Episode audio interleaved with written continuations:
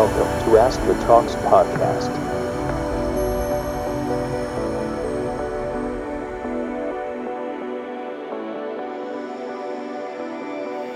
Ask Talks video මාලාවේ විද්‍යාඥෙක් වෙන්නේ කොහොමද කියන තේවා ඔස්සේ කරන ප්‍රෝග්‍රම් සිරිස් එක තවත් එක වැඩසටානක් එක්ක තමයි යොගොල්ලෝ මේ දිරික තුලා ඉන්න. තින් ඔගොල් ඔක්කොම අයිබෝන් කියලා පිළිගන්නවා. මේ ප්‍රෝග්‍රම් එක අපේ ෆස්බුක් පේජ්ක වගේම YouTube චනල එකනුත් එකතු වෙන්න පුළන් ඕලන්ට හැබැයි දිග වීඩියෝ එකක් බලන්න විදිහක් නැති කට්ටියට මේ ප්‍රෝග්‍රම් එක පොඩ්කාස්ටයක් විදිහට Apple podcast Google podcast Spotify ඇන්ක.ම් කියන අපේ පලටෆෝම්ස් වල තියෙන අපේ චැනල් එක ඔස්සේ එකතු වෙන්න පුළුවන්. ඉතින් ඒ අප්ස්වල ලින්ක්ස් අපි මේ වීඩියෝ ඩිස්ක්‍රපෂන් එක ඇතුළත් කරලා තියෙනවා. ඉතිං වැඩියල ගන්න ඇතු අපි ඩිස්කශන් එක පටන් ගමු. අද අපිත් එක්ක එකතු වෙලා ඉන්නේ ලෝකයේ විශාලතම ආයතනවලින් එකක් වන ඇමසෝන් ආයතනය සේවය කරන ඉංජිනේරුවෙක්. ඔහුගේ විශේෂත්වය වෙන්නේ හු ඉංජිනේරුවෙක් වුණාට ඔහුගේ ප්‍රථම උපාදිය එකන් එක ලබාගෙන තියෙන්නේ බෞතික විද්‍යාංශනින් ඒ වගේම PhD එකත් ඔහු බෞතික විද්‍යා පීච් ටික තමයි ලබාගන්න ඔහු තමයි ආචාරය වරුණ ෆැනැන්ඩු ඉතින් වරුණ සොයරෝ අපේ ප්‍රෝග්‍රම් එකට අයිබෝන් කියලා පිළිගන්න ඔවු දැන් මේ ඇමසෝන් කියන්නේ ලෝකයේ විශාලතම ආයතනයක්. අපි නම් ගොඩක් වෙලාවට දන්නේ මේ ආයතනය ඔන්ලයින් වෙළඳ පොලක් විදියට හැබැයි ඊට අමතරව මේ ආයතනය විවිධ දේවල් කරනවා ඇති. ඉතින් ඔබට මොනහරි කියන්න තියෙනවද මේ ආයතන මොනාද කරන්නේ? ඒ වගේම ඔබ ඉංජිනේරුවක් විදිහට මේ ආයතනයේ මොනාද සිදු කරන්න කියන හැමසන් කියලා කිව්වාම හුඟක් අය දන්නේ ඔන්ලයින් බඩුගන්න එක ගැන. හැබැයි ඇමසන් එකේ වැඩිම ආදායමක් එන්නේ ඒ ඔන්ලයින් විකුණන එකෙන් නෙමෙයි. ඔන්ලයින් විකුණන එකේ ඉතරම ඇත්තරම ලොකු ආදායමක් නැහැ. එකැන ඇත්තරම ගත්තොතින් මේ නෙට්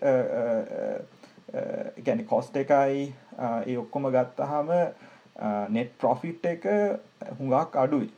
ඇමසන් බඩු විකුණන එක. නමුත් ලොකුම ප්‍රොෆිට් එක හම්බුවෙන්නේ ඇමසන් වෙබ් සර්විසස් වලින්. සෝ එකන්නේ මේ දැන් ඇමසන් වෙබ් සර්විසස් වලින් තමයි හුඟක් වෙන අයගේ සර්විසස් දැන් පොඩ්කාස්ට් ඊගාවට මේ නෙට්ලික්ස් වෙන වෙන අය වෙන අය. ඊටව ඊට අමතර මේ ආණ්ඩුවේව පවා හුඟක් කලව් සර්විස් කියන පැත්ත කරන්නේ මේ ඇමසන් වෙබ් සර්විස ඇතරම ඇමසන් වෙබ් සර්විසස් වල තියෙන ආදායම ප්‍රොෆිට් එක හුඟක් වැඩි. මේ ඇමසන් මේ අවිකුණන ඒ මේ වලට වඩා. ඉති ඇත්තරම කොටස් දෙකක් හැටියට තමයි යන්නේ. රීටේල් කියන්නේ වෙනම එකක්. ඇමසන් වෙබ් සර්විසස් නැත්තං AWS කියල කියන්නේ වෙනම කොටසක්. කියන්නේ සීෝ කෙනෙක් වෙනම ඉන්නවා ඒ වගේ. එතකොට දැන් මම වැඩ කරන්න දැන් ඇමසන් වෙබ් සර්විස් කිවත් ඇතරම හුඟක් ලොකුයි. මොකද මෙහි තියෙන ලොකුම ඇත්තරම ගත්තුන් ලෝකෙන් වැඩිම ප්‍රමාණයක් කලව් සර්විසස් ප්‍රවයි් කරන්නේ මේ ඇමසන් වෙබ් සර්විසස් වලින්. එතකොට ඒකට ඕනි කරන ඉන්ෆස්ට්‍රක්ෂය ගැන දැන් හුඟක් තියෙනවන ඩේට සෙන්ටර්ස් ඒ ඩේට සෙන්ටර්ස් වල එතකොට ඒවා කනෙක් කරන්නේ ඔක්කොම ඔප්ටිකලි මේ ඔප්ටිකල් නෙට්වර්කයක් තියෙන තොට මම වැඩ කරන්නේ මේ ඔප්ටිකල් මගේ ගරුප් එක තමයි හුඟක් ඒ ඔප්ටිකල් නෙට්වර්කින් සම්පූර්ණයෙන්ම මේ අලුත් ඒවා ඉන්ට්‍රඩියස් කරන එක ඉඳලා තියෙන ඒවා මේන්ටේන් කරන එකන්නේ කොහොමද ඉස්සරහට කරන්නේ කියන එක වැඩිපුරම කරන්නේ අපේ ගරුප් එකෙන් තමයි. එතකොට එකන්නේ ගත්තතින් මිලියන් දොළහක් තියෙනවා ලිංක්ස් විතරක් ඒ කනෙක් කනෙක් කරන ලික්ස් එතකොට ඒ හැම ලිංක එකම ඔප්ටිකලි කනෙක් කරලා තියෙන්නේ එක. දැන් කියන්නේ වෙබ් සර්විස් කිව්වොත් වෙන්නේ සර්වර්ස් ගොඩක්නේ. ඩේටා සෙන්ටර් එකක් තියෙනවා. ඒකේ සර්වර්ස් ලොකු ගාණක් තියෙනවා. ඒ හැම සර්වර් එකක්ම කනෙක් කරන්න ඕනේ ඉන්ටර්කනෙක් වෙන්න ඕනේ. එතකොට තමයි අපිට නෙට්වර්ක් එක හැදෙන්නේ නේ. එතකොට ඒ නෙට්වර්කින් යන සම්පූර්ණ නෙට්වර්කින් ඉන්ෆස්ට්‍රක්ෂ එකේ තියෙන්නේ ඔප්ටිකල් නෙට්වර්කින් වැඩි කැන ඔක්කොම් වගේ යන්නේ ඔප්ටිකල් නෙට්වර්කින් එකන්න ඔප්ටිකල් ෆයිබයකින් තමයි එක කනෙක්ටවෙන්නේ එතකොට අපි කරන්න ඉතිං දැනට තියෙන ටෙක්නෝලජය එකේ ඒ වන ඉති හුඟක් කලාවට ගන්න පුළුවන් නමුත් ඉස්සරහට දැන් ඒ නෙට්වර්කින් ස්පීටස් ගත්තුතින් බෑන්විත් වැඩි වෙනවා එතකොට අපි කරන්නේ දැන් ඒක ඉස්සර 10 gig 1 gig දැන් අපේ ගෙවදරට එනකොට කියනවනේ 1 gig එහෙම කියලා. එතකොට ඒක දැන් යන්නේ 400 gig. එතකොට 400 gig එක fiber එක සාමාන්‍යයෙන් යනවා. ඊට පස්සේ ඉතින් ඒවා මල්ටිප්ලෙක්ස් කරලා එහෙම ඒකේ ටෙක්නොලොජි එක හුඟක් යනවා කොහොමද අපි වැඩි ඩේටා ප්‍රමාණයක් මූව් කරන්න කියන්නේ. ඇත්තටම ගත්තොත් මුළු ලෝකෙම යන්නේ මේ ඩේටා මූව් කිරිල්ලක් නේ වෙන්නේ. එක තැනක ඉඳන් තව තැනකට. එතකොට මේ මූව් කරන එකේ මේ ප්‍රධානම මේ කොටසක් තමයි ඔය ඔප්ටිකල් නෙට්වර්ක් එක වෙන්නේ. එතකොට ඒකෙන් තමයි අපි data move කරන්නේ. එතකොට ඒකේ ස්පීඩ් එක එකට යන කොස්ට් එක ඒ ඒ මේ පැත්ත තමයි ඉතින් අපි අපේ ගෲප් එක ටෙක්නොලොජි එක පැත්තෙන් තමයි ඒක හැන්ඩල් කරන්නේ කොහොමද ඉස්සරහට යන්නේ මේ පැත්ත. හරි. ඔව් ඊටාම ඉන්ටරෙස්ටිං සබ්ජෙක්ට එකක් මේ ඩේට සෙන්ටර් සහ ඩේට මූමන්ට් කියන්නේ ඉතින් මං හමු හඳුන්වාදීමේදී කිව්වා ඔබ භෞතික විද්‍යා උපාධයක් තමයි මුලින්ම හදාරලා මේ විදිහට අද ඉංජිනේරුවරයෙක් විදිහට කටයුතු කරන්න කියලා. ඉතින් ඔබ මේ වෙනකන් සුවිශේෂී ගමනක් ඇවිල්ලා තියෙනවා. ඉතින් අපිටත් ඒ ගමන ගැන පොඩ්ඩක් විස්තර කරන්න පුළුවන් ඔබ ඒ ලෙවල් වලදී මොනවද කළේ? ඒ ලෙවල් වලදී හිතුණද ඉංජිනේරුවරෙක් වෙන්න එහෙම නැත්නම් ඒ ලෙවල් වලදී හිතුවේ නිකන් මේ ෆිසික්ස් පැත්තෙන් ඉස්සරහට යන්නද? ඔව් ඒ ලෙවල් වලට එහා පැත්තට ගිහලා අතන ඕක කතාව ගත්තොතින් ඉස්කෝලේ යන කාලේ තමයි ඕක ඇත්තටම මුල තියෙන්නේ. අපි 8 9 පන්ති වගේ ඉන්නකොට අපේ ඉස්කෝල මම ගියේ මේ මහානාමයට කොළඹ. මහානාමේ තිබුණා මේ තාක්ෂණීය විෂයට මේ රේඩියෝ කියලා රේඩියෝ ටෙක්නොලොජි කියලා අපේ මේ හේමන්ත සර් කියලා සර් කෙනෙක් හිටියා. ඉතින් ඒස මේ ඒක මං හිතන්නේ වැඩිය ප්‍රසිද්ධ එකක් නෙමෙයි හැම ඉස්කෝලේකම තිබිච්ච සබ්ජෙක්ට් එකකුත් නෙමෙයි. බොහොම කලාතුරකින් තමයි ඕක තිබුණේ. ඉතින් අපේ ඉස්කෝලේ ඒක තිබුණා. ඉතින් මම 9 පන්ති ඉන්නකොට මම තාක්ෂණයට මුලින්ම ගත්තේ වාණිජ්‍ය. වාණිජ්‍ය අරගෙන ටික කාලයක් යනකොට මං අර අනිත් ළමයි මේකේ සර්කිට් හදනකොට මට මේක කුතුහලයක් ආවා මේ මේ ඉලෙක්ට්‍රොනික පැත්ත ගැන.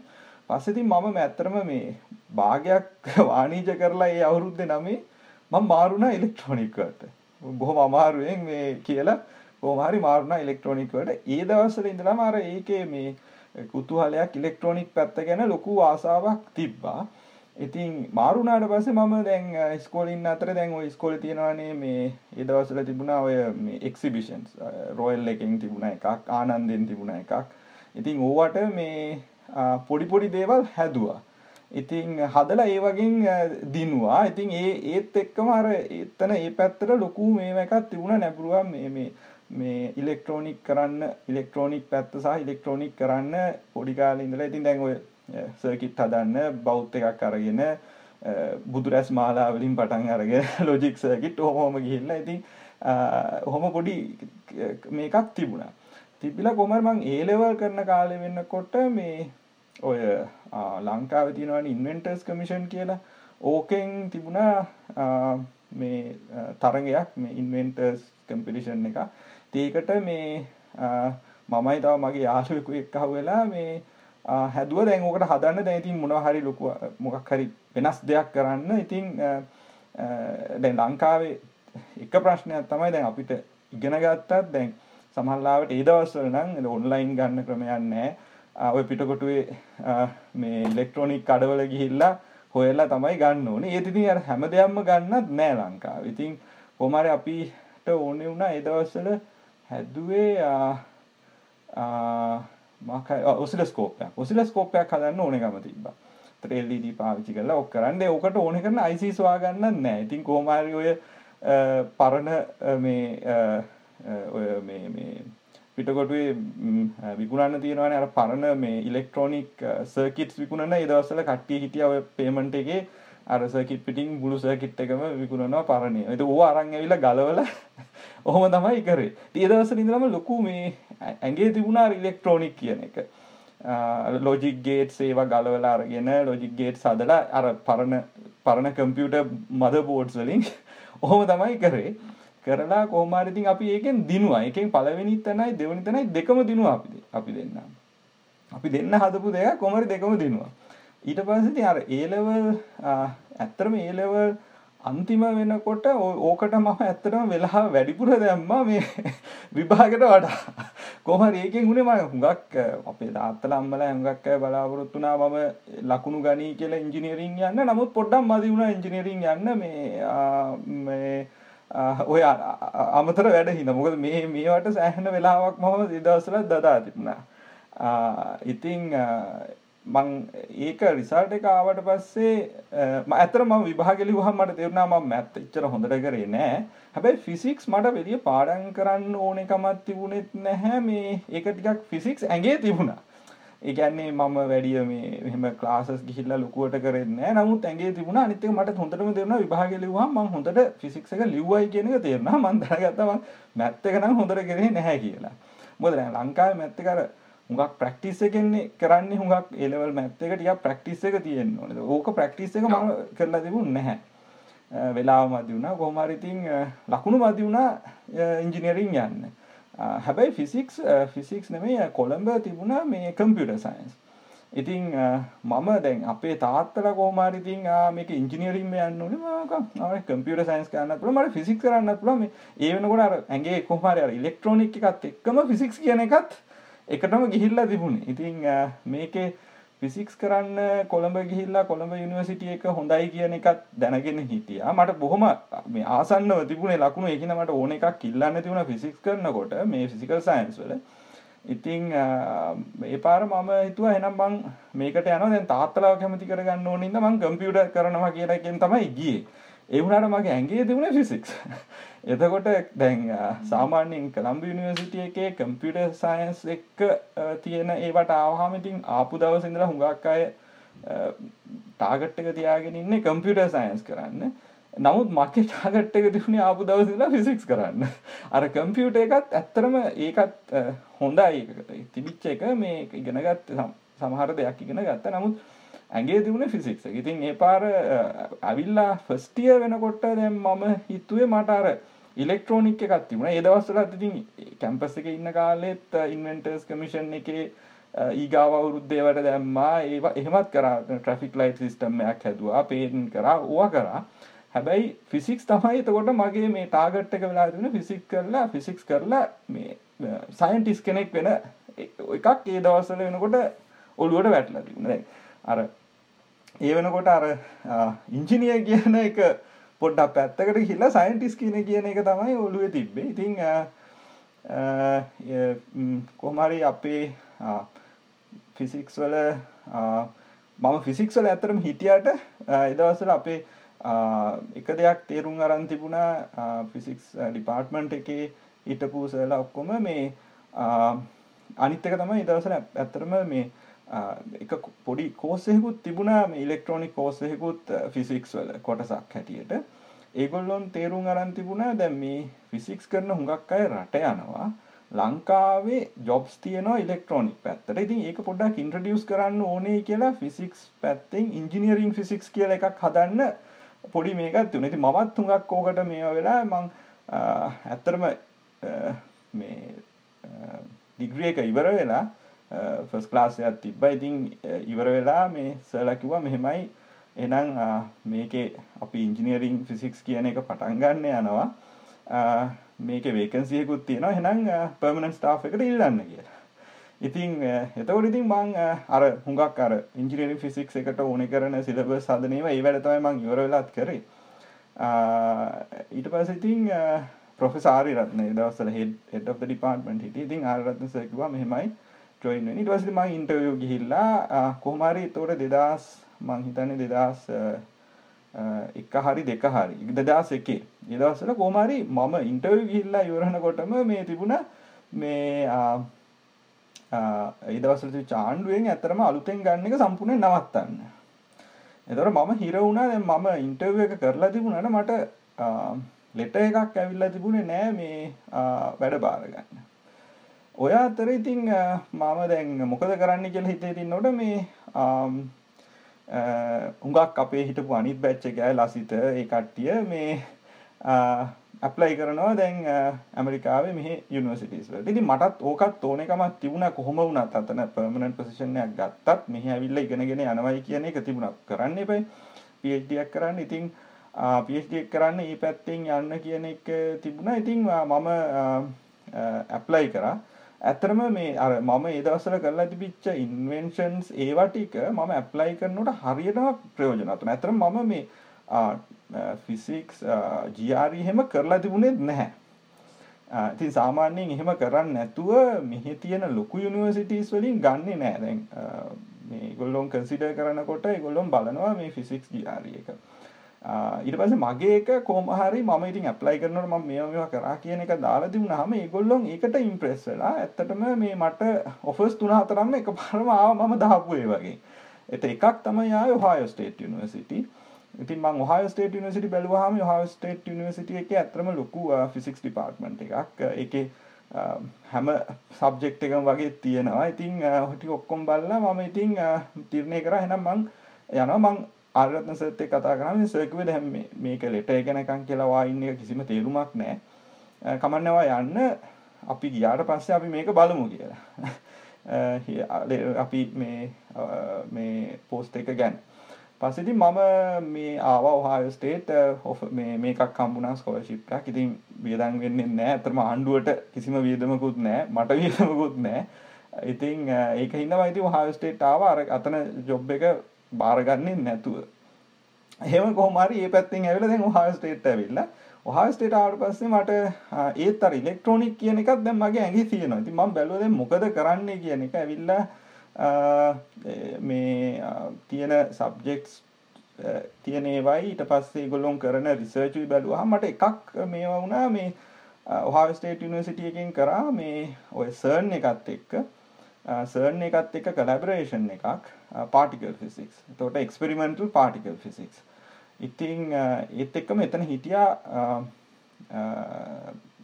ඇත්තනම ස්ට්‍රිං තියරි එක පාටිකල් ෆිසික්ස් වල ස්ට්‍රිං තියරි කියන එක ඉන්ට්‍රඩියස් කරපු ප්‍රොෆෙසත් හා ස්ටේට්වල හිටිය. ඉතින් යා නොබෙල් දිනපු කෙනෙක් ඒ වගේ. ඉතින් ඒ ඔක්කොමට්ටික් එකතු කරලා මම ඉතින් දැන් අර සයින්ටිස් කෙනෙක් වෙනවා කියන එකක් තිබුණනේ. ඒ පැත්තෙන් තමයි එතනින් ගියේ. මම ඉතින් පොඩ්ඩක් කතාව සම්පූර්ණයෙන් කියන්නම් ටිකක් දිගයි. මේ ඉතින් ඊට පස්සේ ඉතින් සර්න් එකත් එක්ක ඒ කොලැබොරේෂන් එකට මම එක්කහුව වෙලා කරනකොට ඉතින් එතන ඒත් එක්කම ඒ කියන්නේ දැන් මෙහි වෙනසක් තියෙන්නේ දැන් මෙහි ඇමරිකා යුනිවර්සිටි එකට ආවුතින් කරන්න ෆිසික්ස් PhD එකක්. බේසික් ඒවා ටික ඔක්කොම අවුරුදු 3ක් කරන්න ඕනේ හැම සබ්ජෙක්ට් එකක්ම. ෆිසික්ස් වල ඇත්තටම මුල ඉඳලා ගැන මාස්ටර්ස් එකට යනකොට මුල ඉඳලා අවුරුදු තුනක් ෆිසික්ස් ඒව ටිකක් කරන්න දැන් ඒ කරන්න තියෙන සබ්ජෙක්ස් මොනවාද කියලත් අපි පොඩ්ඩක් මතක් කරමුකෝ. මේ ගැන්නේ බේසික්ස් වලට අයිති වෙන සබ් එතකොට ෆිසික්ස් වල දැන් මෙහි සාමාන්‍යයෙන් ස්ටෑන්ඩ් දැන් ඔහා ස්ටේට් කියන්නේ ඇත්තටම මෙහි ස්ටෑන්ඩ් ලයි කියන්නේ මේ ආණ්ඩුවේ වගේ යුනිවර්සිටි එකක් ආණ්ඩුවේ නෙමෙයි. කියන්නේ ස්ටේට් යුනිවර්සිටි එකක්. එතකොට ඒගොල්ලෝගේ තියෙනවා දැන් මුල අවුරුද්දේ කරන්න ඕනේ ෆිසික්ස් කියන එක සම්පූර්ණයෙන් කව වෙන විදිහට. ඒ කියන්නේ දැන් ක්වොන්ටම් මෙකැනික්ස්, ක්ලාසිකල් මෙකැනික්ස් ඊට පස්සේ මොනවද ඉලෙක්ට්‍රෝ ඉලෙක්ට්‍රොමැග්නටික් ඒ ඒ ඒ ප්‍රධානම ඒවා ටික කව කරන්න ඕනේ මොන පැත්තෙන් අපි PhD එකට ගියා.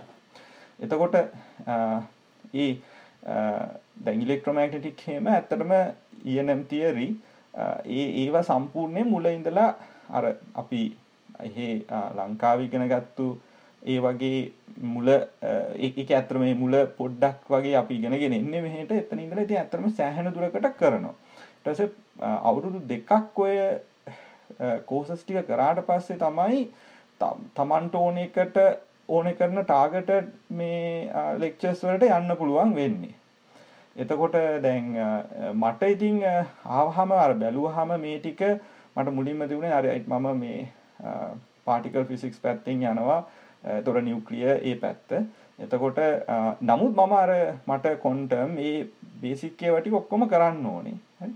තොට එත්තනති මට තේරුණා දැන් ටිකක් කරනකොට දැන් ඉටස දැන් තියරි පැත්ත කව කරගන්න එපයි. ඒ තියරි පැත්ත කව කරනට තේරුණා මට මේ මේක මගේ ඇඟි තියෙන එකක් නෙමෙයි කියන එක. ඒ කියන්නේ දැන් ඇත්තටම ස්ට්‍රිං තියරි දැන් මුල ටිකේ නෙමෙයි මුලින් ඉගෙන ගන්නකොට එච්චර වෙනසක් නැහැ. නමුත් ටිකක් දුරට යනකොට ස්ට්‍රිං තියරි ඒ පාටිකල් ෆිසික්ස් වල ඩීප් ඒවාට යනකොට මට තේරුණා මේ මේක මේ මේ මගේ මේ ඇඟේ තියෙන එකක් නෙමෙයි මේ මට මේ මේ විද්‍යාඥයෙක් වෙනවයි කියන එක මේ මගේ ඇඟේ එකක් නෙමෙයි නෙමෙයි වගේ නිකන් පොඩි මේකක් ආවයි කෙනකොට ඇතරම ඒක ඇත්තරම ඔව්. මම මෙතනදි පොඩ්ඩක් බාධා කිරීමක් කරන්න ඕනේ. දැන් පාටිකල් ෆිසික්ස් කියනකොටත් ඒක විශේෂ සබ්ජෙක්ට් එකක් ෆිසික්ස් වල තියෙන. ඒකේ මොනවද තියෙන්නේ කියන එක ගැන පොඩ්ඩක් අපිට කියන්න පුළුවන්ද? මොන වගේ දේවල් ගැනද හදාරන්නේ කියන එක. එතකොට මේ පාටිකල් ෆිසික්ස් වලට යන්නේ දැන් අපි ෆන්ඩමෙන්ටලි දැන් අපි දැන් ස්කෝල ඉගෙන ගන්නකොට ඉගෙන ගන්නවනේ පරමාණු තියෙනවා පරමාණු කියන එකෙන්නේ පරමාණු කියන මේක බෙදින්න බැරි කියන එකෙන්නේ කියන්නේ නමුත් ඒ බෙදෙන්න බෑයි කියලා කිව්වට පරමාණු එහෙමත් නැහැ. ඒක ඇතුලේ තියෙනවා ස්ට්‍රක්චර් එකක්.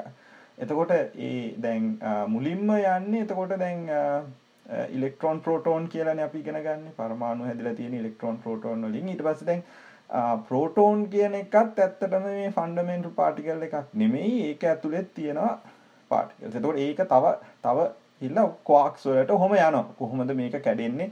ඇත්තටම ඉතින් ඇත්තටම හරි ඉන්ටරෙස්ටිං. හැබැයි දැන් මේ පැත්තත් එක්කම ගත්තාම ඒක එක පොඩි මේ කනෙක්ෂන් එකකුත් තියෙනවා. දැන් කියන්නේ දැන් අපි සයන්ස් කියලා කියන්නේ මේ ඇහැට දැකලා කනට මේවා වෙලා එහෙම කරන එකක් නේ. මේ මේ පාටිකල් ෆිසික්ස් වල එක්තරා කියන්නේ අපි අවුරුදු 200කට විතර ඉස්සෙල්ලා රදර්ෆර්ඩ් ඔය මේ ඉලෙක්ට්‍රෝන හැදිලා තියෙනවා. ඒ ඒ ටික ගත්තා. එතනින් එහාට ඒවා ඇත්තටම මේ ඇහැට පේන්නත් බැරි කනට අල්ලන අපේ අපේ මේ ඉන්ද්‍රිය වලට මේවා වෙන ඒවා නෙමෙයි ඇත්තටම. ඉතින් ඒවා ඔක්කොම මේ ගන්නේ මේ අපි ඒකෙන් වෙන ප්‍රතිඵලය මෙහෙමයි කියලා හිතලා හදාගන්න එකක් මිසක් මේ සම්පූර්ණම මේ මේ සම්පූර්ණයෙන්ම මේ ඇහැට දැකලා එහෙම කරන එකක් නෙමෙයි. දැන් අන්තිමට ගත්තොතින් දැන් ඕකේ ඕකේ හුඟක් ප්‍රශ්න තියෙනවා. ඒ දවස්වල ලොකු ප්‍රශ්න තිබුණා. මේ දැන් මාස් එක කොහොමද එන්නේ? දැන් දැන් ප්‍රෝටෝන් එකක් මේ බර එන්නේ කොහෙන්ද? දැන් දැන් අයින්ස්ටයින්ගේ කතන්දරයේ තියෙනවානේ මේ equals mc squared කියන එක. එතකොට ඒකෙන් ගත්තොතින් එනර්ජි එක තමයි මෑස් එක වෙන්නේ මෑස් එකයි එනර්ජි එකයි දෙක කනෙක්ට් මේ කියන්නේ එක එකකින් අනිත් එකට යන්න පුළුවන් මේකෙන් අනිත් එකට යන්න පුළුවන් මේ දෙක කනෙක්ට් c ස්ක්වයර්ඩ් කියන්නේ මේ ආලෝකයේ වේගය. එතකොට ආලෝකයේ වේගය වගේ ස්ක්වයර් එකත් එක්ක මේ දෙක කනෙක්ට් වෙනවා. එතකොට දැන් ඕකේ එහෙම ගත්තාම දැන් එනර්ජි එකෙන් ගත්තාම මේ අපිට මෑස් එක අපි ප්‍රෝටෝන් එක මෑස් එක ගත්තොත් ඒක ඒ විදිහට එන්නේ නැහැ. එහෙම ගන්න බෑ මෑස් එක. ඕකට මේ තිබුණා ඒ දවස්වල ඒ දවස්වල එක තියරි එකක්. මේ හිග්ස් කියන හිග්ස් බෝසෝන් එකෙන් තමයි මේ මේ මෑස් එක එන්නේ. එතකොට ඒ කියන්නේ දැන් මේ අපි ප්‍රෝටෝන් එකක් ගත්තොත් ප්‍රෝටෝන් එක සාමාන්‍ය මොකක් හරි මූව් වෙනකොට ඒ මූව් වෙන එකට තියෙනවා රෙසිස්ටන්ස් එකක්. ඒ රෙසිස්ටන්ස් එක එන්නේ හිග්ස් බෝසෝන්ස් ඉඳලා. ඒ හිග්ස් බෝසෝන්ස් කියන ඒවා හැමතැනම තියෙනවා. එතකොට ඒක අපිට පේන්නේ නැහැ. නමුත් හිග්ස් බෝසෝන්ස් ඉඳලා තමයි මේ මේ මෑස් එක එන්නේ කියන එක. මෑස් එකේ කනෙක්ෂන් එක තියෙන්නේ මේ හිග්ස් බෝසෝන් එකෙන් කියන එක තමයි දවස්වල තීරය ගත්තේ. එතකොට සර්න් එක ඔක්කොම ටාගට් කරලා තිබුණේ මේ හිග්ස් බෝසෝන් එක හොයාගන්න එක. මොකද ඒක අවුරුදු 50කට විතර ඉස්සෙල්ලා හිග්ස් පීටර් හිග්ස් කියලා මේ සයින්ටිස් කෙනෙක් තමයි මේක ප්‍රිඩික්ට් කරලා තිබුණේ. ඒක තියරි එකක් තියෙනවා. මෙහෙමයි තියරි එක කියලා. නමුත් කිසිම කෙනෙක්ට මේ හිග්ස් බෝසෝන් එක තියෙනවයි කියන එකට එවිඩන්ස් හම්බ වෙලා තිබුණේ නැහැ.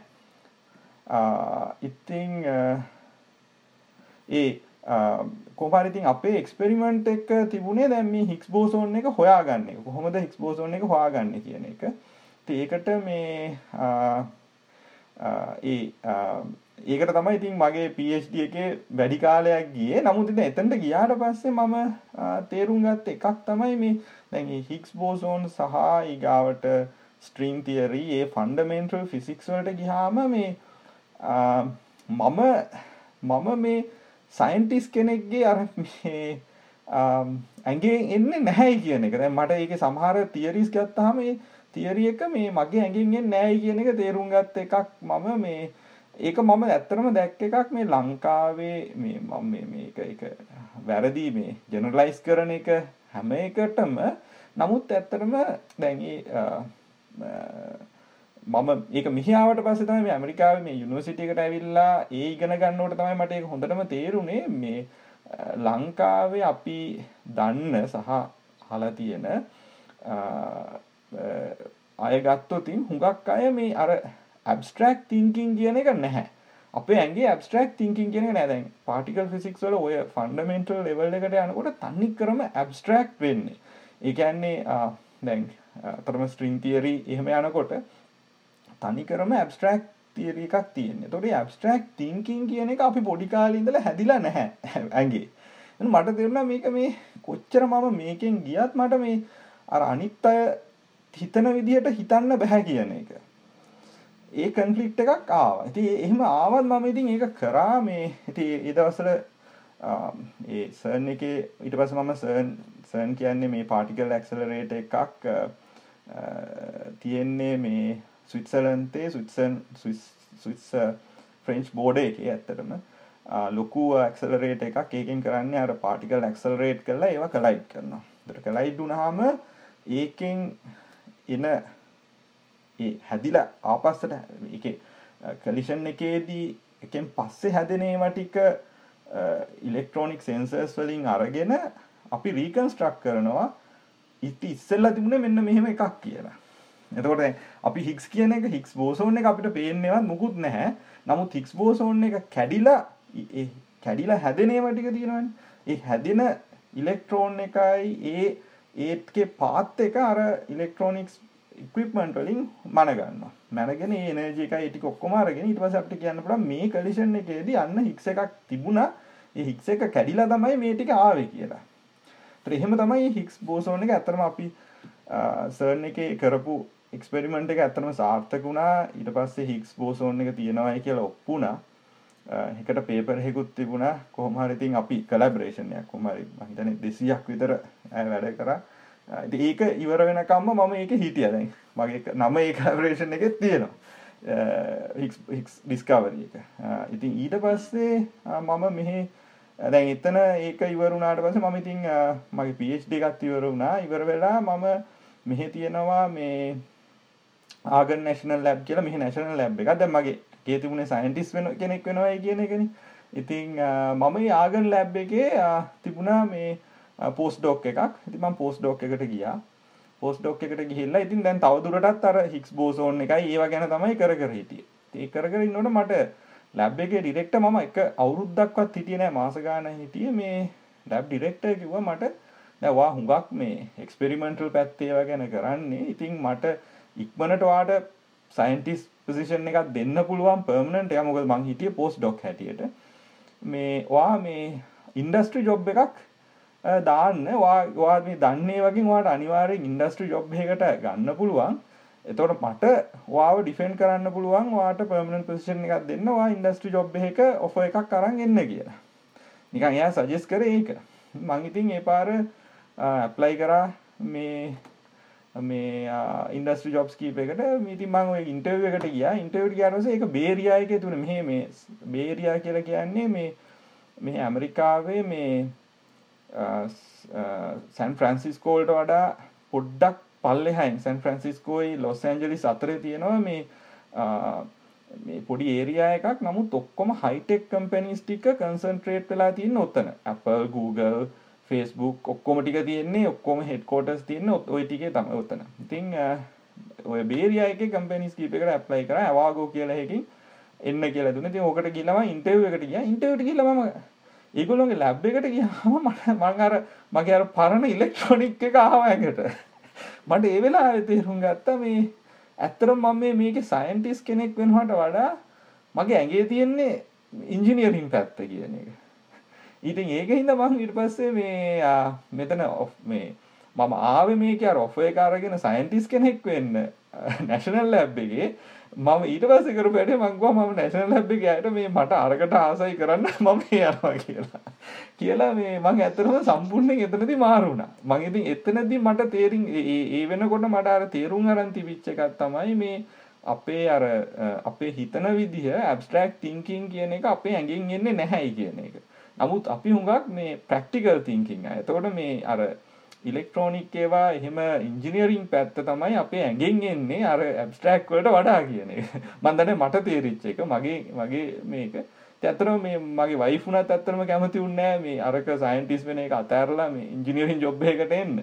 මේ නමුත් මටර එක්තරා මේකකුත් තිබුණා. මේ බේරියා එකයි මෙතන ඇවිල්ලා එහෙම දෙයක් කරන්න පුළුවන් කියන එකේ පොඩි ආසාාවකුත් තිබුණා ඇතුළෙන් ඉති මේක ජොබ් එකත් හම්බුනාට පස්සේ ඉතින් මෙහෙට ආවා. එහෙම තමයි මම අර සම්පූර්ණ දෙපැත්තර දෝලනය වෙලා මේ සයින්ටිස් වෙනවද ඉංජිනිරිං යනවද දැන් මෙහ ඇතරම බේරියගේ කවුරුත් බලන්නේ නැහැ මේ වා මේ දැන් ලංකාව නම් ඔකටියක් තියෙනවා මේ ඉංජිනියරින් කරන්න ඕනේ ඉංජිනියරින් ජොබ් එකක් කරන්න එහෙම කියලා. එහෙම එකක් නැහැ මෙහෙ. දැන් මම මෙහෙ අපේ ගෲප් එකට ගන්නකොට මේ ඇඩ්වර්ටයිස් කරනකොටම ගෙලින්ම ඇඩ්වර්ටයිස් කරන්නේ ඉංජිනියරින් ඕ ෆිසික්ස් කියන එක. එතකොට මේ ඇත්තටම වැඩ කරන අය ගත්තත් හුඟක් අය ඉන්නවා. එහෙම එහෙම මේ ෆිසික්ස් වලින් ආපු අය එහෙම එහෙම ප්‍රශ්නයක් නැහැ. එහෙම මේ ඉංජිනියරින්ම වෙන්න ඕනේ කියලා එකක් නෑ දැන් මම දැනට බේරියාගේ කම්පැනිස් තුනක වැඩ කරලා තියෙනවා. ඇමසන් වෙබ් සර්විස් කියන්නේ මම තුන්වෙනි කම්පැනි එක වැඩ කරන්න ගත්තා. ඉතින් හැම එකේදීම මම දැක්ක එකක් තමයි මෙහි බලන්නේ නෑ මෙහි බලන්නේ වැඩේ කරන්න පුළුවන්ද කියන එක. ඇත්තටම ඩිග්‍රී එකටත් වඩා බලන්නේ වැඩේ කොහොමද වැඩේ කරන්න පුළුවන් කියන එක. ඉතින් මේ මම දැන් මුලින්ම මම ජොයින් වෙනකොට මගේ බොස් හිටියේ එයත් ඇත්තටම ෆිසික්ස් කරපු එක්කෙනෙක්. නමුත් එයත් මෙහෙ මේ ඇවිල්ලා ඊට පස්සේ දැන් මම ඒකෙන් තේරුම් ගත්තා මේක ප්‍රශ්නයක් නෑ. ඉතින් එහෙමම මම මෙහෙ ඒවට ආවා මේ හැමම ඉංජිනියරින් පැත්තෙන් තමයි ඊට පස්සේ ගියේ අර ෆිසික්ස්. ඒ ෆිසික්ස් නැත්තේ නෑ ඉතින්. ලයිට් ෆිසික්ස් නේ. නමුත් අර ඒ දෙකේ කොම්බිනේෂන් එක තමයි ගියේ. හරි ඔවු ඉතාම මේ සුවිශේෂි ගමනක් තමයි ඉතිං බැවිල්ල තියන්නේ ගැන ඉංජිනීරිං සහ ෆිසික් අතර දෝලන වෙන ලයිට් එකත් තමයි ඔබට තිබිල තියන් ඉතින් දැන් ඔබ වටින කරුණක් මතක් කලා දැන් මෙහි ජොබ්ස් ගනිද්දී ඉංජිනීරිං පැත්ත ජොබ්ස් වලට උනත් අපිට දැන් ෆිසික්ස් බැග්‍රවන්් තියෙන අයට ඇප්ල කරන්න පුළුවන්. මොකද මේ ඒ අය අර ඩිවලප් කරගන්න ස්කිල් සෙට් එක තමා බොහොම වැදගත්වෙන්නේ දැන් ඕ දැන් ඔබ සෑන් එකටත් ජොඩ්නලා පර්ේෂණ කලා කියව අපි මෙතැදි මතක් කරන්න ඕනේ. මේ ලෝක ඉතිහාසේ හදල තියෙන සංකීර් සංකීර්ණතම මැසින් එක තමයි මේ සෑන් කියන්නේ. සන් ඩිටෙක්් එක. ඉතින් ඒ ලැබ් එකක වැඩ කරද්දිත් ඔබට මොනහරි මේ අත්දැකීමක් ලැබෙන් නැති ඔබගේ ස්කිල් සෙට් එක ඩිවලප් කරගන්න නේද? ඒක තම එකන ස්කිල් සෙට් එක තමයි වැදගත්. එතන දැ ඒ දැන් ඇතරම මම දැක්ක වෙනසකුත් තමයි ම වැඩ කරන අනිත්ත ඇත් එක්ක දැන් අර ෆිසික්ස් පැත්තෙන් ගිහිල්ලා එනකොට තියෙන ස්කිල් සෙට් එක හුඟක් ලොකු ලොකු වපසරියක්. මේ හැම හැම පැත්තක්ම එකන්න ඇනලිසිස් ඩේට ඇනලිසිස් තැන් සර්න් එකේ ප්‍රධානව මේක තමයි අපි ලොකු ඩේට ප්‍රමාණයක් ගන්නවා. ඇතරම එක ගත්තොතින් 10 මෙගා පික්සල් වගේ රෙසලූෂන් එකක් හිතන්නකො 10 මෙගා පික්සල් කියලා. ඒ වගේ එකක් නමුත් වැඩ කරන්නේ 10 මෙගහට් ස්පීඩ්ඩයකින් එතකොට අර හැමතිස්සම 10 මෙගා පික්සල් ඉමේජ් එකක් හිතන්නකෝ අර 10 ගිගහර්ට් 10 මෙගහර්ට් සොරි 10 මෙගහර්ට් ස්පීඩ් එකකින් එනවා කියලා 10 10 6ක් නේ ඒක තප්පරයකට 10 6ක් ෆ්‍රේම්ස් එනවා. එතකොට දැන් ඒක කොහොමද ඇනලයිස් කරන්නේ? ඕක ලොකු ප්‍රශ්නයක් ඒ දවස්වල තිබිච්ච uh, ලොකු ඩේටා ප්‍රමාණයක්. කොහොමද මේ ඩේටා හැන්ඩල් කරන්නේ? කොහොමද ඩේටා ඇනලයිස් කරන්නේ? ඒ පැත්තේ ඉඳලා ඩේටා ඇනලිසිස් වල ඉඳලා ඒකට ඒක කොහොමද දැන් මේකේ රීකන්ස්ට්‍රක්ට් කරන්න එපා අර තියෙන ඩේටා වලින් ඒ රීකන්ස්ට්‍රක්ෂන් ඒ පැත්ත ඊට පස්සේ ඉලෙක්ට්‍රොනික් පැත්ත කොහොමද මේ ඩේටා මූව් කරන්නේ එතකොට අපි අපි මම ඒකේ ඉන්න කොටත් ඔය ඔප්ටිකල් ලින්ක් එකක් පාවිච්චි කරලා තමයි අර ඩිටෙක්ටර් එකේ තියෙන ඩේටා එළියට ගන්න. එතකොට ඒ ඔප්ටිකල් ලින්ක් එක අපි හැදුව එකක් ඒ ඒක තමයි ඇත්තටම කමර්ෂලි දැන් මේ Amazon එකෙත් පාවිච්චි වෙන්නේ. එතකොට ඒ කියන්නේ ඒ ඒ ටෙක්නොලොජි එක ගත්තොත් දැන් සර්න් එක තමයි මුලින්ම වෙබ්පේජ් එකක් ඩිවලප් කරලා තියෙන්නේ සර්න් එක. මං දන්න හුක් කීතන දන්නවද කියන එක. ලෝකෙ මුලින්ම වෙබ්පේජ් එකක් සර්න එක ඇතරම එක තියෙනවා මේ හදපු පේජ් එකයි ටික. වෙබ්පේජ් එක වෙබ් කියන කන්සෙප් එක ඩිවලප් කරලා තියෙනෙත් සර්න් එක. එතකොට ඒ වගේ මේ එහෙම ටෙක්නෝලජී ඩිවලප්මන්් පැත්තිෙන් ඒ වගේ වෙනවා. ඒ වෙත්තම අපේ ස්කිල් සෙට් එකත් තරවත් එක්ක හැදෙනවා. ඉලෙක්ට්‍රෝනික් වල ඉඳලා ඩේට ඇනලිසිස් ඔය ඔක්කොම.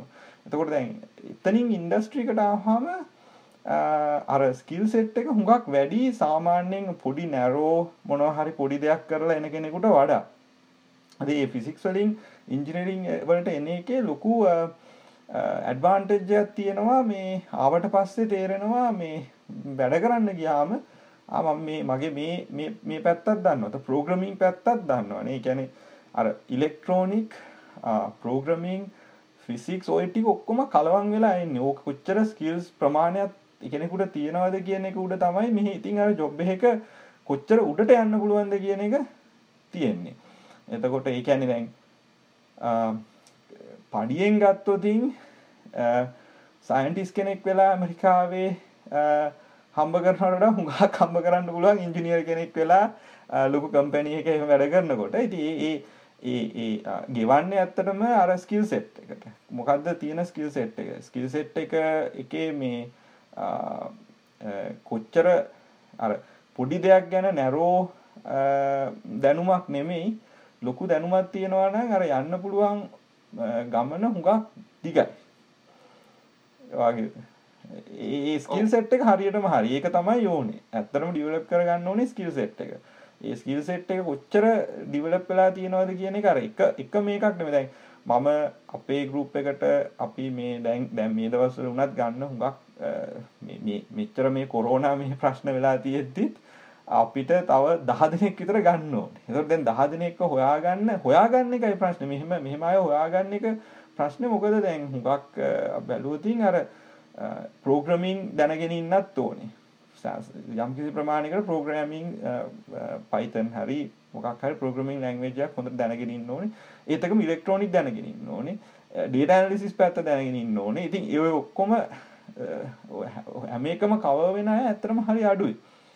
ඒ ස්කිල් සෙට් එක තමයි ඇත්තටම හරිම වැදගත් වෙන්නේ තමන් මොන පැත්තකින් ගියත් තියෙන ස්කිල් සෙට් එක තමයි මේ වැදගත් වෙන්නේ ඔව් ඉතාම වැදගත් කරුණු තමයි ඔබ පවසන්න මේ ගොඩක් අයට වැදගත් වේ කියලා හිතනවා. ඉතින් දැන් මං පොඩ්ඩක් යමුණොත් ඔබ දැන් කැම්පස් කියල ගැන කොළඹ යනිසිටි ඉදලා ඔබ ඇප්ලයි කරනවා මේ මේ ඔහය ස්ටේට් එකට සහ වෙනත් යනිසිටිස්ල දැ ඔබ කිව්වා ඔබ ජියාරිත් කළේ නෑ. ජියාරි කියන්නේ එක්සෑම් එකක්. ගැන් මෙහ යනිසිටිස් වලට එද්දි කරන්න ඕන එක්සෑම් එක ඉතින් ඒකත් ඒකත් කළේ නැතුව ඔබට ඔපස් ආවා මේ මේ ඔබ ඔබේ තිබ්බ හැකේ අවන් සහ ඔබ කරලා තියෙන විවිධ බාහිර වැඩ සල කළ බල්ල කියලා නේද?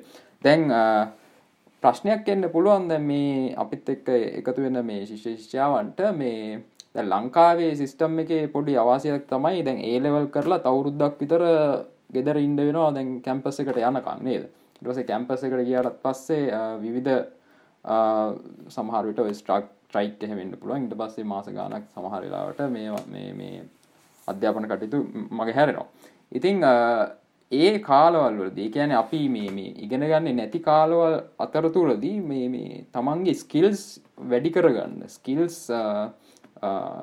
වෙන වෙන ස්කිල්ස් හදාගන්ඩ පුළුවන් කමක් තියෙනවා. ඉතින් මොනවගේ පැත්තටද මේකන් සයින්ස් පැත්තෙන් ඉස්රට යන්න වෙනත ඉංජිනීරින් පැත්ත ඉස්රට යන්න හිතන කෙනෙක්ට මේ අර ඩෙඩ්ටයිම් එකෙන් ප්‍රයෝජනයක් ගන්න පුළුවන් විදි තියෙනවා. ඇත්තරම එක හොඳ ප්‍රශ්නයක්. මොකද දැන් ඒ දවස්සල අපි දැන් මං කම්පයාකරෝතින් මම කැම්පස් යන කාල වෙන කොටර ඉන්ටනෙට් එක ආපුම දවස් බොහොම අමාරුවෙන් ඒ දවසල මට මතකයි මේ රෑට ඩයලක් කරලා තමයි ඉන්ටනෙට් යන්න එහෙම තිබුණේ.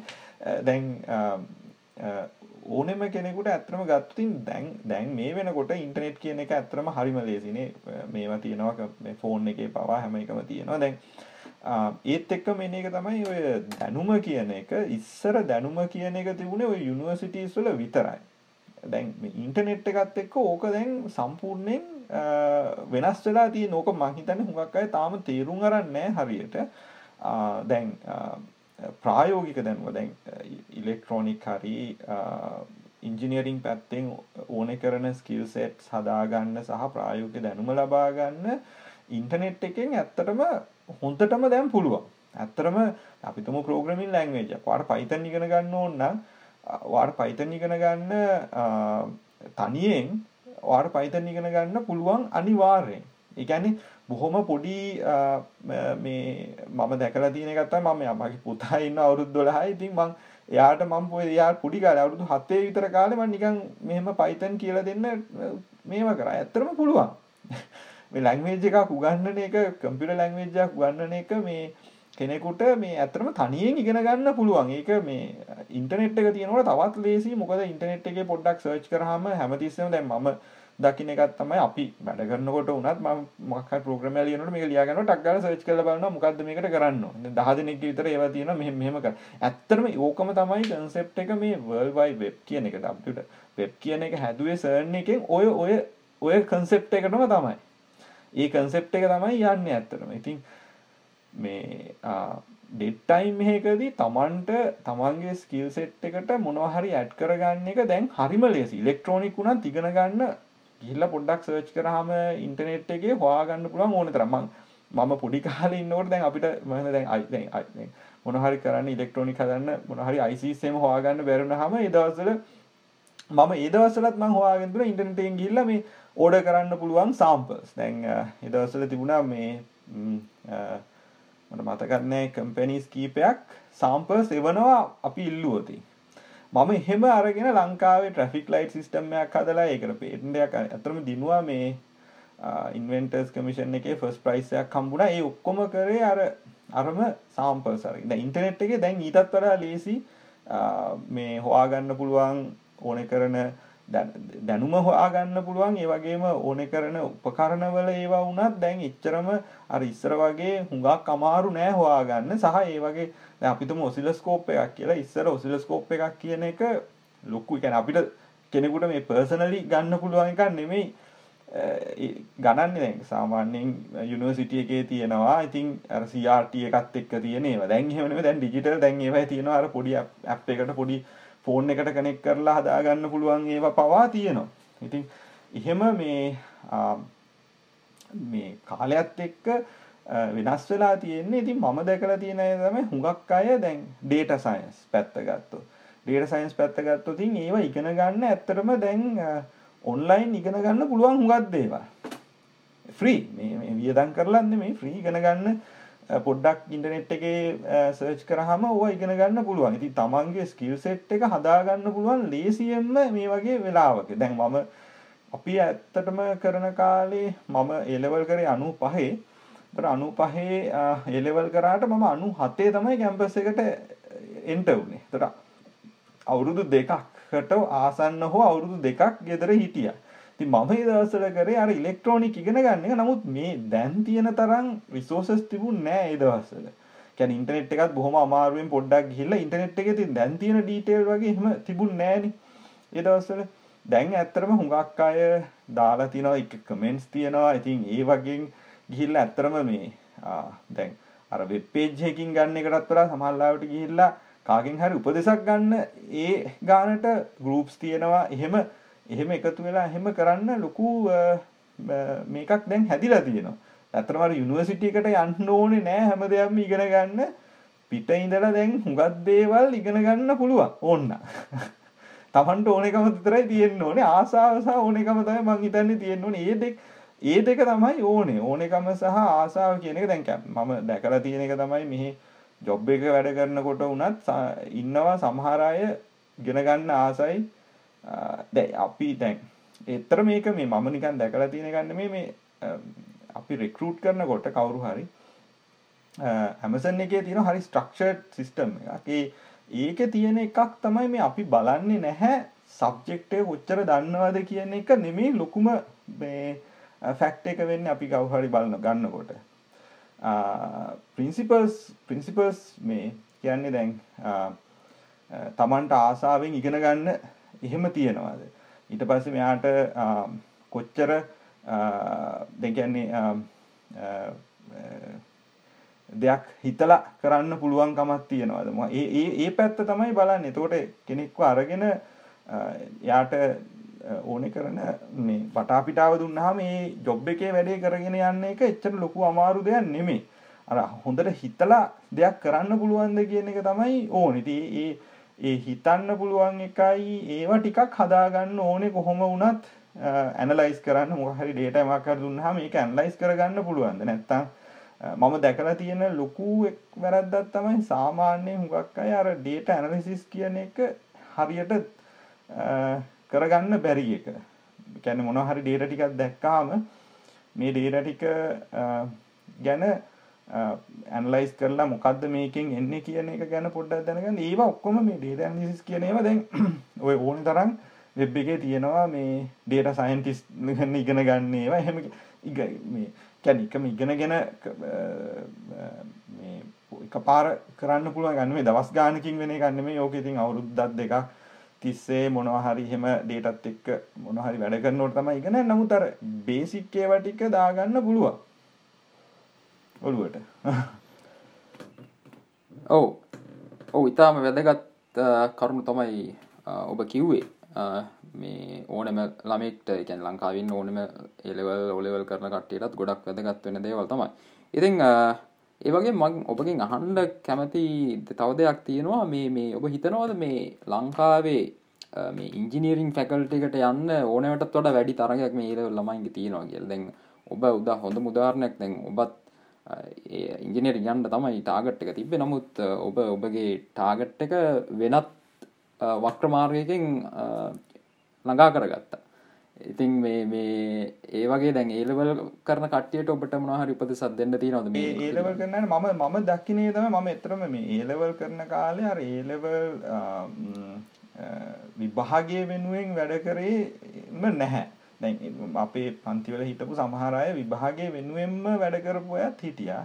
ඉතින් මං ආපස්සට හැරලා බැලුවාම දැන් ලංකාවේ ඉංජිනේරින් ලංකාවේ ඉංජිනීරිං ෆැකල්ටි එකට ගිහිල්ලා ඉගෙන ගන්න එකේ එක පැත්තකින් පොඩි පාඩුවකුත් තියෙනවා.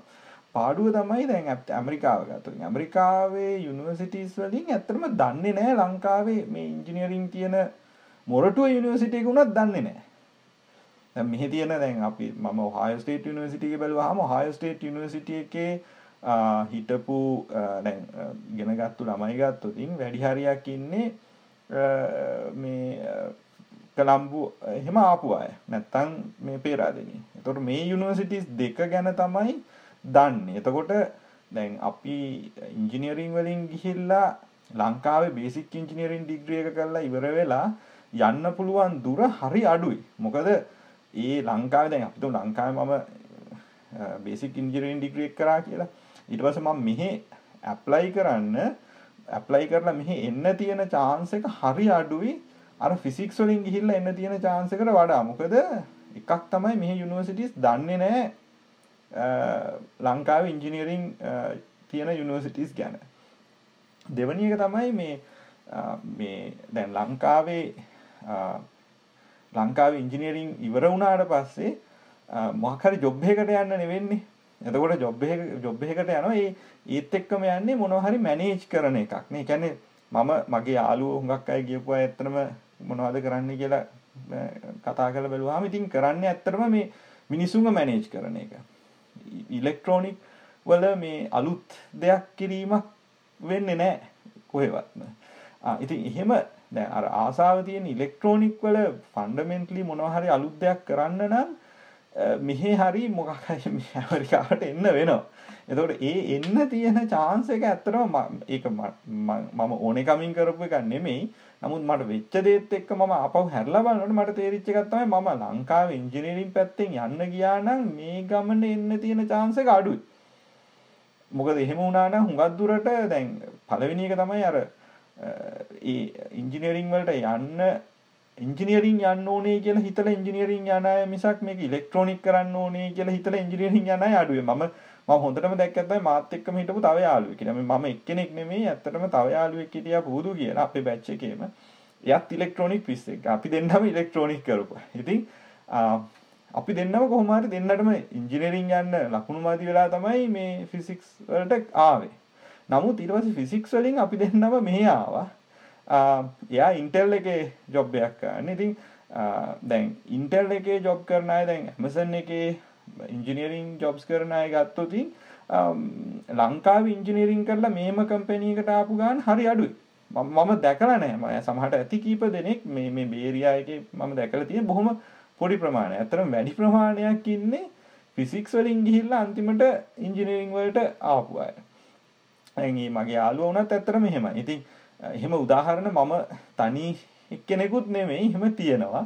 ඉතින් අර මේ ඉංජිනියරින්ම කරන්න ඕනේ ඒකටම යන්න ඕනේ කියන එක මේ අරට වඩා මම දකින්නේ මේ කරන එක හරියට කරන්න ඕනේ කියන එක තමයි. දැන් ෆිසික්ස් එකේ ගිහිල්ලා හරියට ඉවර හරියට ඩිග්‍රී එක කරගත්තේ නැත්නම් ඉතින් එතනත් අවුලක් තමයි. නමුත් එහෙමමත් නැහැ. අත්‍තරම ගන්න අපි අපේ බැච් එකේ 12 දෙනෙක් හිටියා ෆිසික්ස් ස්පෙෂල් කරපු. ඉතින් 12 දෙනාගෙන් ජොබ් කරන අය ගත්තොත් ඉතින් කොහොම කොහොම හරි මෙහි මෙහි ඇවිල්ලා මං හිතන්නේ එක 12 දෙනාගෙන් 8 දෙනෙක් විතර මෙහි ආවා. ඉතින් මෙහි ඇවිල්ලා ෆිසික්ස් වලම සමහර අය එහෙම ගියා දැන් ෆැකල්ටි ගිහිල්ලා. එහෙම එහෙම ගියා නමුත් මං කියන්නේ යම් කිසි දුරකට ඒක කරන එක හරියට කරන එක තමයි මම හිතන්නේ මේ ඒක මේක අරාර ඉංජිනීරින් යන්නම කියලා ඒකටම ලොකුවට මේවා වෙලා ඊට පස්සේ දැන් ඉංජිනීරින් යන්න බැරි වුණාම ලොකු ෂොක් එකක් ඇවිල්ලා එහෙම වෙන්න නරකයි මම දකින්නේ. මට මට ඒක ෂොක් එකක් වුණේ නැහැ. මොකද මම විභාගේ ලියනකොට මට තේරුණා මේ මම මැත් එක හරියට කරගත්තේ නැහැයි කියලා. මේ ඊට පස්සේ මං මේව කරා මං ෆිසික්ස් වලින් යනවා කියන එක. ඒ ඒක මං හිතන්නේ පොඩ්ඩක් තියෙන්නත් ඕනේ මේ අර ඒ කියන්නේ හැබැයි කරන එක හරියට ගන්න ඕනේ මම ෆිසික්ස් ගියා ෆිසික්ස් එක හරියට කරා. ඉතින් ඒක තියෙන්න ඕනේ එච්චරයි. ඒ කියන්නේ එතනින් ගියාට පස්සේ එතනින් එහාට යන එක මේ අර තමන්ගේ ස්කිල් සෙට් එකත් එක්ක තමන්ට මාර්ගය හදාගන්න පුළුවන්. අර මුල මුල පිම්ම තමයි කොහෙන් කොහොම හරි අර දැන් ඒ කියන්නේ ලංකාවේ ලංකාවේ යුනිවර්සිටි එකට ඇතුල් වෙන්න එපයි. බැලලා දැන් යුනිවර්සිටි එකට යන්නම බැරි වුණා නම් වෙන දේවල් කර කර ඉඳලා එතකොට ප්‍රශ්නයක් වෙනවනේ. මොකද දැන් මෙහෙට එන්න නම් ලංකාවේ යුනිවර්සිටි එකක් ඩිග්‍රී එකක් කරලා තියෙන්න ඕනේ අවුරුදු 4ක. ඔන්න ඔතන තමයි ලොකුම මේක තියෙන්නේ. සමහර අයට වරද්ද ගන්න එකක් තමයි මේ ජෙනරල් ඩිග්‍රී එක කියන්නේ අවුරුදු 3යිනේ. ඒතර ස්පෙෂල් ඩිග්‍රී එකක් අවුරුදු 4ක වෙන්න ඕනේ. ඕකත් අනිත් එක තමයි ප්‍රශ්නේ තමයි මේ තියෙන්නේ. ඒ කියන්නේ කොහොම හරි ස්පේෂල් ඩිග්‍රී එකක් කරගන්න ඕනේ අවුරුදු 4ක. මොකද ඇමරිකාවේ පිළිගන්නේ අවුරුදු 4 ඩිග්‍රීස්. තුනේ දියව නෙමෙයි. මෙහි තියෙන සිස්ටම් එකේ තියෙන අවුරුදු 4 ඩිග්‍රී එකක් වෙන්න ඕනේ. ඉතින් ඒකට ස්පෙෂල් ඩිග්‍රී එකට යන්න ඕනේ. ස්පෙෂල් ඩිග්‍රී එක කරලා ඒකේ ඒක උත හොඳට කරගත්තාම ඉතින් මේ එච්චරම මම දැක්ක මම දැක්ක විදිහට නම් ඒ මේ ඉංජිනීරින් යන්න යන්න එකටත් වඩා හොඳයි මේ මේ පාත් එක කියන එක මම ඒක මම දැනගෙන ගිය එකක් නෙමෙයි. ඒක ඉබේ වෙච්ච දෙයක්. නමුත් මේ මම මේ මේකේ මෙහි ඉන්න මම දැකලා තියෙන මේ මේ ප්‍රධාන මේ Facebook Google Apple ඔය ටිකේ ඉන්න අය ගත්තාම මේ එහෙම ඉංජිනියරින් සයිඩ් එකෙන් ගිහිල්ලා ආපු අය ඉන්නේ බොහොම අඩු ප්‍රමාණයක් නැත්තේ නෑ. නැහැ නැත්තේ නෑ මන් දන්නයි ඉන්නවා. නමුත් එක් එක ලොකු ප්‍රමාණයක් නෙමෙයි. ඉතින් ඒ කියන්නේ දැන් ඉංජිනේරින් ගියපු අය හරිනම් ඉන්න එපා. වැඩි හරියක් මෙහි ඉංජිනේරින් වලින් ගියපු අය දැන් එහෙමනම් ලංකාවේ ඉංජිනේරින් කරපු අය ලොකු ප්‍රමාණයක් ඉන්නේ. එහෙම නැහැ ෆිසික්ස් කරපු අය මම දැකලා තියෙනවා ඉන්ටෙල් එකේ. මේ Facebook Google Amazon හැම එකේම ලංකාවේ මම දැකලා ලංකාවේ අය කතා කරොත් ඇත්තටම ෆිසික්ස් කරලා ආපු අය වැඩි. ඔව්. හරි. ඉතාම වටින අවවාද කීපයක් තමයි ඔබගින් ලැබුණේ මේ එලවල් කරන ශිෂ ශිෂාවට අපි දැන් ඇවිල්ලන්නේ ප්‍රෝග්‍රෑම් එක එන්ඩ එකට. ඉතින් වෙනද වගේම ප්‍රෝග්‍ර මේ ප්‍රෝග්‍රෑම් එකත් ලංකාවින්න බොහෝ දෙනෙක්ට වැදගත්වන සංවාදයක් වෙයි කියලා හිතනවා.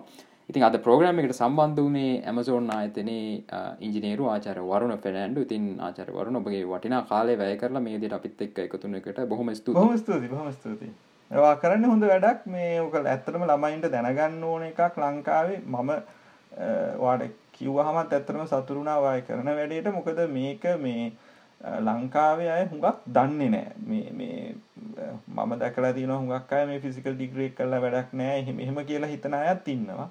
ඉංජිනියරින් කරන්න ලොකුවට. එහෙම එහෙම ඒක මම දකින්නේ ඇත්තටම මේ වැරදි මේකක් ඒ අයිඩියා එක වැරදි. මේ එහෙම නෑ කරන දේ හරියට කරෝතින් ඒක කොහෙන්ද යන්නේ කියන එක නෙමෙයි. ඔයා අන්තිමට ඉවර ඉවර වෙන තැන තීරණය වෙන්නේ අර ස්කිල් සෙට් එකයි. Taman කොච්චර හොඳට කරන වැඩේ කොච්චර හොඳට කරනවාද කියන එක මිසක් අර මේ ලේබල් එක නෙමෙයි ඇත්තටම. ලේබල් එක කියන්නේ මේ ඉංජිනියරින් එකද ෆිසික්ස් එකද ඒක නෙමෙයි හැබැයි Tamanට ආසාව තියෙන්න ඕනේ මට ඒත් මත් එක තව එක දෙයක් කියන්න ඕනේ මේ මට මේක කිව්වේ මම ඔහායෝ ස්ටේට් ආපුම දවස්වල ලංකාවේ ප්‍රොෆෙසර් කෙනෙක් හිටියා ඔහායෝ ස්ටේට් යුනිවර්සිටි එකේ මේ එයා මට කිව්වේ මේක මේ ජොබ් එකක් බලාගෙන කිසිම දෙයක් තෝරගන්න එපා කියලා. Tamanට ආස එක තෝරගන්න. ඒක කෙරෝලේ අන්තිමට කොහේ හරි ඔයාලට හොඳ ජොබ් එක හමු වෙයි. ජොබ් එකක් කියන එක බලාගෙන ඉගෙන ගන්න යන්න එපා. Tamanට ආස දෙයට මේ දෙන්න. එතකොට අර ස්ට්‍රෙස් අනම්මනම් ඊව එන්නේ නැහැ. තාසාවෙන් තමයි වැඩ කරන්නේ. හරි. ඊටාම වටින අවවාද තමයි මේ වරුණ අයගෙන් අපිට හම්බුනේ. ඉති මේ විදිට තවත් ඇස්ටටෝක්ස් ප්‍රෝග්‍රම එකක් අවසන් වෙනවා අපිත් එක් එකතුන ඔගොල්ලන්ටත් බොහොම ස්තුතියි. ඔගොල් මේ ප්‍රෝග්‍රම් එක ප්‍රෝග්‍රම එකට එන සයින්ටිස් ලගේ මොක්හරි හන්න ප්‍රශ්නයක් තියෙනවා ගොලන්න පුළුව මේ වීඩියෝ එක අන්තිමෙන කමෙන්ට් එකක් දාන්න. ඉතින් අපි තෝරගත්ත ප්‍රශ්න ඊළඟට එන ප්‍රෝග්‍රම් එකට එන ගෙස්ලගෙන් අහන්න ප්ලෑන් කරලා තියෙනවා.